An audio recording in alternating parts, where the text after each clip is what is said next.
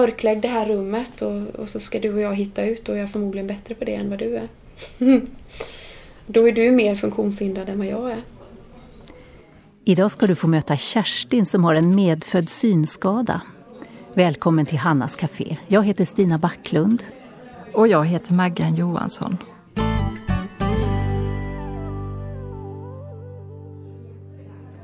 När vi träffade Kerstin så kan man inte påstå att hon var handikappad precis. Nej, hon rörde sig obehindrat trots problem med synen. Egentligen använder man nog ordet handikapp på fel sätt. Ja, när vi pratar till vardags är vi nog ganska slarviga med hur vi uttrycker oss. Man kan ju faktiskt ha skador och sjukdomar som leder till ett funktionshinder.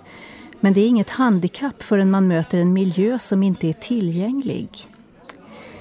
Kerstin som vi ska få möta idag, hon skriver också egna sånger. Och nu ska hon sjunga för oss En helt vanlig dag.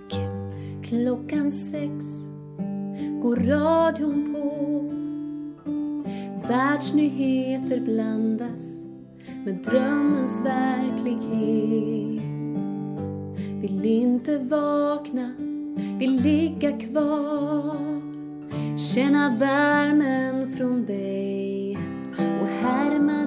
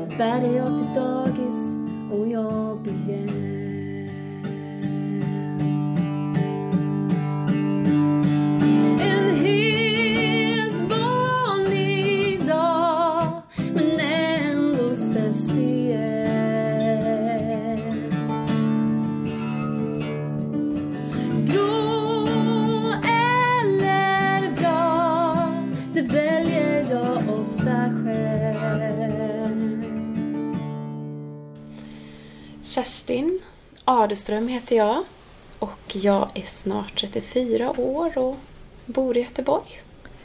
Trots att Kerstin har fullt upp med både barn och sitt arbete vid en statlig myndighet så kan hon inte låta bli att skriva och sprida sånger för insidan. Musik är nämligen hennes stora passion i livet. Hon föddes nästan blind. När Kerstin var en månad gammal upptäckte läkarna att hon hade en ärftlig ögonsjukdom. Så jag har eh, ärvt en ögonsjukdom på min mammas sida. Så jag har ärftlig gråstarr. Så då förstod de ju då att, att jag bara såg ljus och mörker. Eller, det är väl lite svårt att veta just hur som ett litet barn ser men det var vad man trodde då. Och min mamma har berättat att det var någonting som bar henne ganska mycket då för att det var hennes eh, morfar och hans syskon som hade sjukdomen. Och sen så hade han gått dold genom släktled då. Och så är jag den enda i släkten som fick gråstarr då. Och då berättade hon att om det var en barnmorska eller om det var en barnsköterska vet jag inte riktigt men hon hade sagt till mina föräldrar då liksom att men vilken tur att Kerstin föddes in i eran familj. Att det var liksom hennes första respons då när hon hade fått höra liksom att jag hade den här grava synnedsättningen då. Och det var jätte, betydde jättemycket för min mamma. Att eh, den här eh, personen, eller den här sköterskan, hon såg det, det starka, det friska i, min familj och liksom hennes tro på att wow, vilken tur att Kerstin får födas in i er familj. Det betyder jättemycket för mina föräldrar vet jag. Vid åtta månaders ålder opererades Kerstin.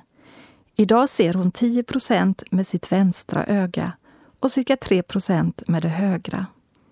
Hon har även drabbats av grön starr i ett av ögonen. Föräldrarna har alltid strävat efter att Kerstin ska få leva ett gott liv. De har uppmuntrat henne till självständighet och som alla andra har hon fått pröva sina vingar under uppväxten. Jag vet ju barn och ungdomar som har varit i samma situation kanske har blivit överbeskyddade. Att de får inte åka buss själv för tänk om de sätter sig på något glas eller något annat. Och mycket sådär beskyddande. Men mina föräldrar mer varit att de, de har funnits med i bakgrunden och på något sätt haft, ett, haft koll på mig, tror jag. Och varit väldigt eh, oroliga ibland också. Som när jag skulle jag menar, åka skidor i Österrike eller när jag tränade gymnastik i början och sådär. För det började jag göra från när jag var åtta år då. Men mamma och pappa har liksom tillåtit mig att göra saker. Så det har ju varit det positiva. Sen så, jag tror att har man ett funktionshinder så, så tror jag att det kan vara lätt att antingen så hamnar du i offerdiket, att eh, ja, det är så synd om mig och jag har det här och liksom man hamnar i en sorts symbios med liksom, Eh, omgivningen att, att eh, man utstrålar att man vill ha hjälp och man får mycket hjälp och så. Och jag tror att en del av det behöver man. Man behöver ju viss hjälp och inse när man behöver hjälp. Och sen har vi det andra diket. Det här duktighetsdiket. Att klara allt själv och det här kanske lite åt envisa sidan. Och det är väl ganska mycket mitt liv. Att eh, vill vara som alla andra, vill inte sticka ut på det området som har med ögonen att göra. Eh, jag tyckte mycket saker var ganska pinsamt sådär när jag växte upp. Att jag vill inte ha liksom, eh, hjälpmedel eller sånt som gjorde att jag verkade annorlunda eller sådär. Så att, men nu är jag jätteglad att jag har varit så envis på det sättet att min frihet är oerhört stor.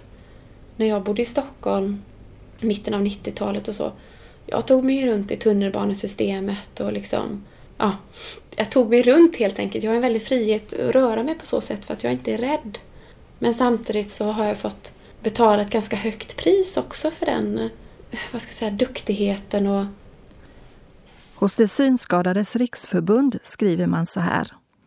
Bind för ögonen och försök ta dig hemifrån till jobbet. Då förstår du säkert att det krävs en del anpassningar för att vi synskadade ska kunna ta oss fram tryggt och säkert.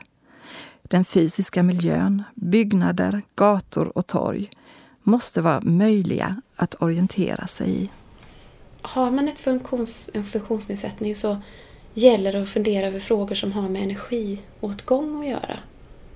Och det har jag blivit mycket, mycket mer medveten om sedan jag fick barn själv och, och eh, senare i livet. Att vad är energitjuvar för mig i min situation?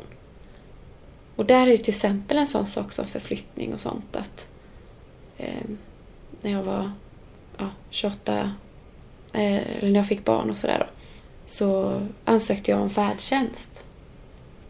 Och att, och att det liksom har varit en jättehjälp för mig när det gäller att spara energi. Jag kan ta mig runt kommunalt och de här bitarna men att det har sparat väldigt mycket energi för mig. Offerdelen eller duktighetsdelen, det, det finns bitar som man behöver. I offerdelen kan jag se att faktiskt erkänna att man behöver hjälp. Det är ju en del av, av liksom att våga ta emot den omsorgen som finns både hos, från andra människor men också eh, från samhället. Men duktighetsdiket, det, det ser jag att det kanske man behöver också. Att vilja själv och att våga själv och de här bitarna. Kerstin skrattar när hon kommer att tänka på en händelse. Hon kan se det komiska i vissa situationer men ibland är det lite tröttsamt med andra människors okunskap. Jag tror min familj, som jag sagt, har ju varit ett fantastiskt stöd. Alltid, liksom, i mitt liv. Eh, min mamma och pappa och min syster och bror och så, de är äldre än mig. Sen så har jag hamnat i lite komiska situationer liksom när kanske omgivning då, eller människor man möter inte tror att man klarar någonting för att man inte ser och sådär.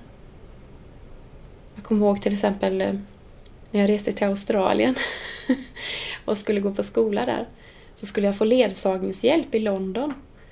Och då så kom de med en rullstol. Det tyckte jag var lite roligt så jag sa, och, och han sa liksom eh, Miss, miss, sit down please, sit down. Och så sa jag till honom Excuse me sir, but, but you know I have no problems with my legs but it's my eyes that's a problem. Så att det är, mina, det är mina ögon som är problemet, det är inte mina ben då. Men han gav sig inte och jag skulle sitta i den här rullstolen. Och till slut, men jag vägrade ju då. Jag var lite yngre då också så man hade ju... Alltså nu idag så hade jag väl bara satt mig och njutit av åkturen tror jag. Och tänkt att han får mogna någon annan gång i livet men jag kanske inte behöver ta ansvar för det. Men jag gav inte med mig så att min ryggsäck åkte rullstol till slut. Men jag tror att det hade säkert med försäkringsfrågor och sånt att göra men jag tycker det är en lite komisk situation. Eller vid ett annat tillfälle på min, mitt arbete så hade vi en, eh, skulle, var det en kollega som fyllde 50. Och då hade vi en instruktör i afrikansk dans där. Och jag tyckte också det var lite komiskt för jag sa till henne att du, jag ser ju inte så bra så att det skulle vara jättebra om du berättar mycket vad du gör med kroppen och så. Och så hennes slutsats var liksom Ja men där, där du jobbade men, men kan du verkligen jobba liksom? Du ser ju inte och sådär då. Så ja, då fick jag ju förklara för henne hur, hur min vardag fungerade men då kan man bli lite mörkrädd om man får säga så. Att... Men samtidigt så är det ju så, det man inte, det man inte har mött, det vet man inte så mycket om. Och det är inte förrän man möter någon som lever med den situationen som man kanske kan sätta sig in i hur det är. är min teori. Med hjälp av våra sinnen tar vi in information från vår omgivning. Men hur är det om något sinnesorgan inte fungerar? Jag är nyfiken på hur Kerstin har utvecklat sin hörsel. Det är bra att du säger så, utvecklat. För det är det det handlar om. Många säger så här att ah, men för det är ju en sån vanlig. Ja, men du, du ser ju dåligt och du, du hör ju du jättebra. Nej, jag hör inte jättebra. Men jag använder min hörsel på ett väldigt aktivt sätt. Som du säger att man har utvecklat. Att man utvecklar sitt sinne. Det tycker jag är rätt att säga. Och det märker jag, det är lite jobbigt när jag sitter i kontorslandskap och jobbar. För jag kan ju höra vad de pratar om på andra sidan. Alltså allt går in på något sätt. Så det kan ju vara lite störande ibland. Men, och sen så är det ju så att jag har ju insett att jag har inte så mycket minne kopplat till utseende. Utan även om jag ser liksom hur, hur, hur du ser ut och sådär så är det mer kopplat till röst. Jag har en väldig känslighet för att känna igen röster och så. Som ett exempel kan jag säga att jag praktiserade på ett ställe, faktiskt på syncentralen där hemma där jag bodde. Och jag var i 20-årsåldern, tror jag. Och sen så kom det in en man genom dörren och sa Hej! Och han jobbar inte där i vanliga fall så. Och jag bara Nej men det är ju farbror Olle, säger jag. Och det var alltså min första optiker som jag hade när jag var fyra år. Och han följde i och för sig mig i några år och så men direkt bara så klippte jag liksom, ja men det är ju han. Det kom bara spontant så och det, det är nog det här enorma förrådet av som en röstbank som man har. Kerstin har kanske inte funderat så mycket på när det är viktigt med ordning på grejerna där hemma och när det inte är det. Man, man är ju beroende av, där är ju ganska bra samsyn med maken hemma, att saker har lite sin bestämda plats. Nu tycker ju han att, att det borde gälla mina glasögon också. Är det en fråga som är förbjuden att ställa hemma så är det bara mina glasögon. Han tycker bara lägg dem på ett ställe, du får hålla koll på dem. Men till viss del så kan du, du ha rätt, visst. Till exempel, ett sånt exempel är ju vi har kryddorna på kryddhyllan i bokstavsordning hemma. För att inte jag ska behöva lyfta ner 18 burkar för att hitta curry liksom, eller vad det kan vara. Så då vet jag liksom, ja men C det är ju längst upp till vänster liksom. Så det vet jag inte hur många svenska hem som har kryddburkarna i bokstavsordning. Ja. Men, eh, jo, så, jo visst. Men det är nog sånt där jag är omedveten om, när det är viktigt med ordning för mig och när det inte är viktigt. Så att säga. Jag kanske har mer ordning än andra, men jag vet inte. Jag funderar på vilka situationer som känns extra obekväma för Kerstin. Situationer jag kan känna mig obekväm i, det är om med om jag och min man går på en fest till exempel. Där jag känner hälften av människorna, eller några stycken, men inte alla. Det tycker jag kan bli jättepinsamt liksom. Att, att jag skulle ta i hand med någon, ungefär som du vet, man hälsar ju på ett speciellt sätt man hälsar på någon för första gången. Eller om det är alltså göra, hälsa så på någon som man känner egentligen. En del. Det tycker jag är jättepinsamt. Så jag brukar säga till min man att nej men nu får du gå in först här. Så går jag efter honom och så får jag en bild av läget. När jag var liten flicka så löste jag det så, mamma har berättat då, jag var så smart när jag var liten, jag var fyra, fem år. Eller mindre än så, två, tre till och med när man skulle ut i sandlådan där i radhusområdet. Så, så kom jag stövlande ner mot lekplatsen så ropade jag Hej! ropade jag. Och så svarade det Hej, hej, hej. Och då visste jag precis, aha, den är där ute och leker, den är där ute. Den... Där hade jag koll på läget innan jag kom till platsen liksom. Men det, det känns inte helt socialt accepterat att göra så idag. Att kanske ropa då när man kommer in i ett rum. Och hur är det då med tillgängligheten i miljön? Med tillgänglighet? Om man är hemma hos folk och så, så kan det ju vara de här liksom, arkitektritade husen med plötsligt trappsteg här och var någonstans. Det är ju inte så kul. Det är ju väldigt svårt då. Saker som inte är logiska liksom. Så som man är van. Det, det är klart att det kan ställa till problem. Men jag har väldigt stor hjälp i min vardag av min kikare. Jag har en, en liten kikare som jag kan ställa om och läsa liksom så liten text som tidtabeller på bussen. Och ställa om dem och kanske läsa avgångstavlan för tågtider på Centralen. Så den, den har jag verkligen, det är min livlina, det är min kompis verkligen alltså. Som jag har med mig i alla lägen. Så med den så känner jag, i de flesta situationer så är jag inte så funktionshindrad. För jag tror att det är situationsrelaterat. Mörklägg det här rummet och, och så ska du och jag hitta ut och jag är förmodligen bättre på det än vad du är. Då är du mer funktionshindrad än vad jag är. Så att jag tror det är situationsberoende. Jag, jag kan faktiskt inte jag är som sagt ganska enveten så att jag har ett skikt med strategier nu som jag kommer inte riktigt på. Men det är klart, trappor är ju en sån sak. Trappor kan ju vara en sån sak att eh, det kan vara bra om det är uppmärkt, i alla fall första och sista steget och sådär. Med någon kontrasterande tejp eller färg eller någonting som gör att man inte snubblar så lätt.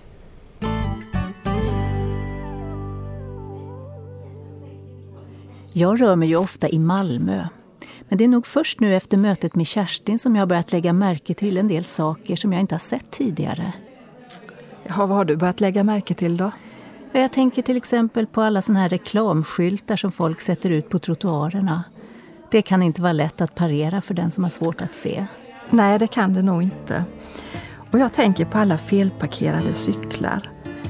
Men du, nu ska Kerstin sjunga 316 och sen ska vi få höra om en upptäckt Kerstin gjorde för några år sedan.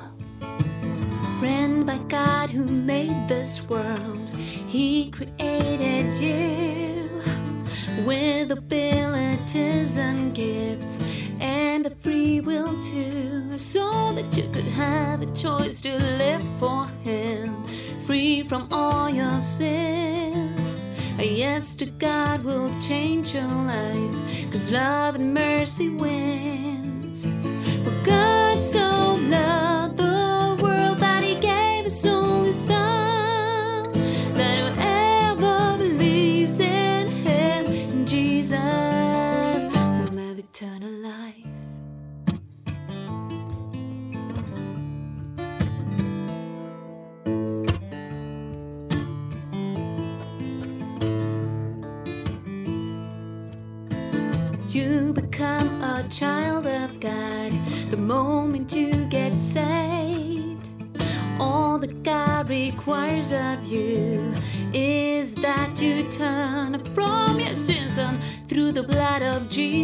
Christ. You will be set free.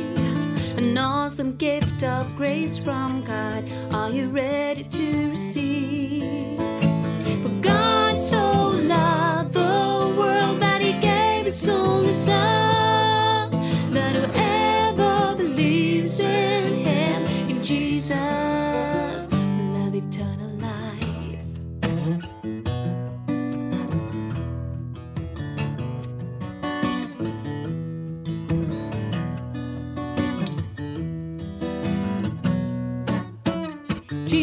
Jesus accepted me. I'm a sinner saved by grace. And I know that when I die, I'll see him face to face. Please remember that your choices of today decide your destiny. So make a choice to be with God for eternity.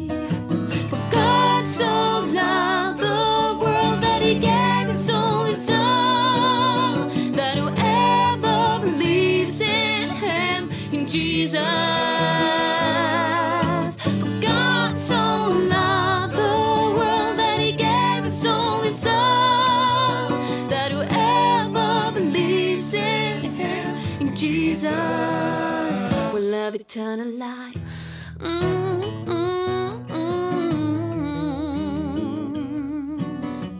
Oh, oh, oh.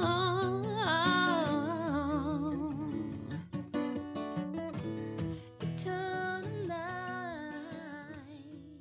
För många av oss är det jättesvårt att verkligen våga tro att Gud älskar oss kravlöst.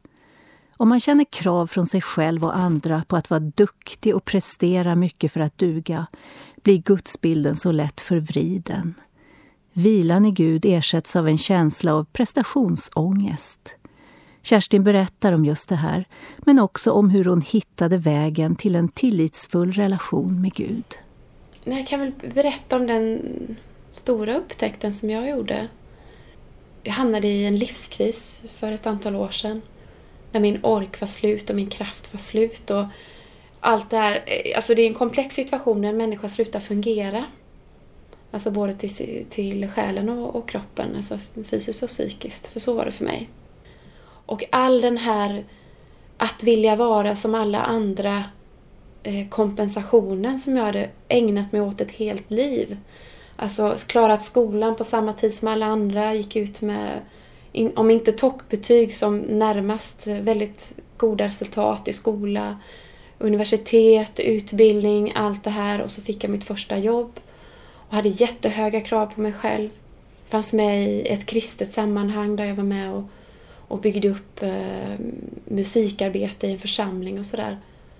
Och så, så hela tiden så fanns det en liten skärva av mitt hjärta som inte visste om jag verkligen var älskad av Gud. En liten, liten, det var en liten strimma av mitt hjärta som inte visste om, om jag var älskad av Gud. Men jag tror liksom att, att den konflikten som fanns i mitt liv, den drev på mig att jag ville prestera och jag ville förtjä, förtjäna Guds kärlek. Och jag visste allt det som stod i Bibeln och så här om att det bara är nåd och jag kunde liksom, kunde orden om du förstår vad jag menar. Mm. Men plötsligt en dag så gick inte det här längre. Alltså, det inre trycket blev så stort för mig. Så jag hamnade i en oerhört djup depression. När jag kom ur detta och fick ta tag i det där. Det där som orsakade att jag inte visste om jag var förlåten eller visste om jag var älskad av Gud.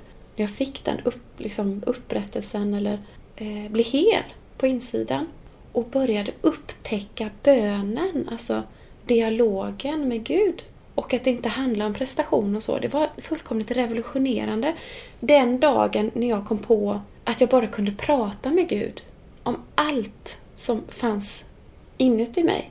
Det var revolutionerande alltså. Att jag kunde få komma till honom och säga att Åh, idag är jag så arg! Eller nu har det här hänt och jag vet inte liksom att jag kunde få vara så ärlig.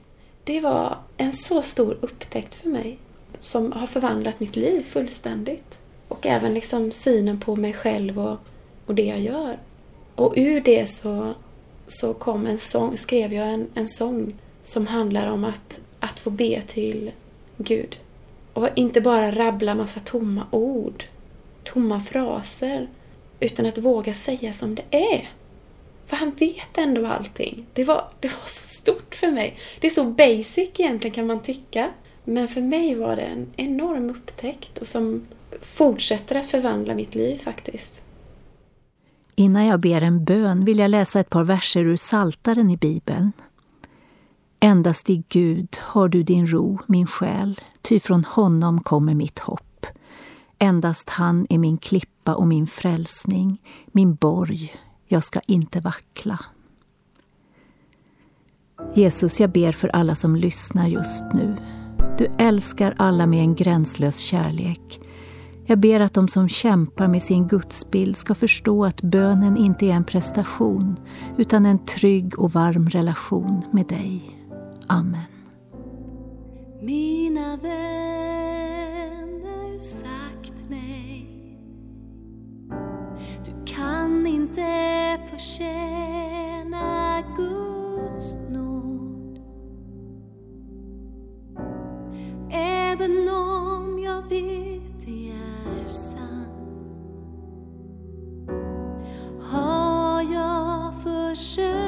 genom handling, ord och sång?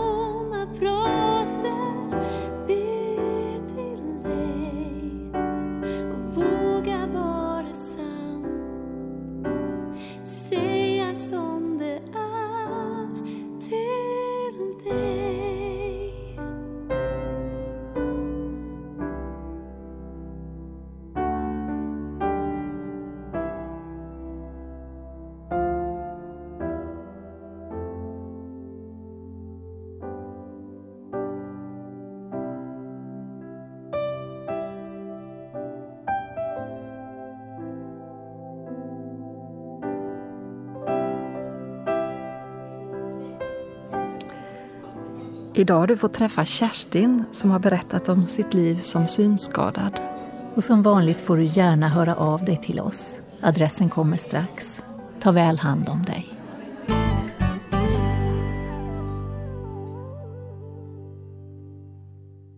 Hannas Café är producerat av Stina Backlund och Maggan Johansson för Norea Radio Sverige med adress Östergatan 20 262 31 i Ängelholm mejladress ph och webbadress www.hannascafé.se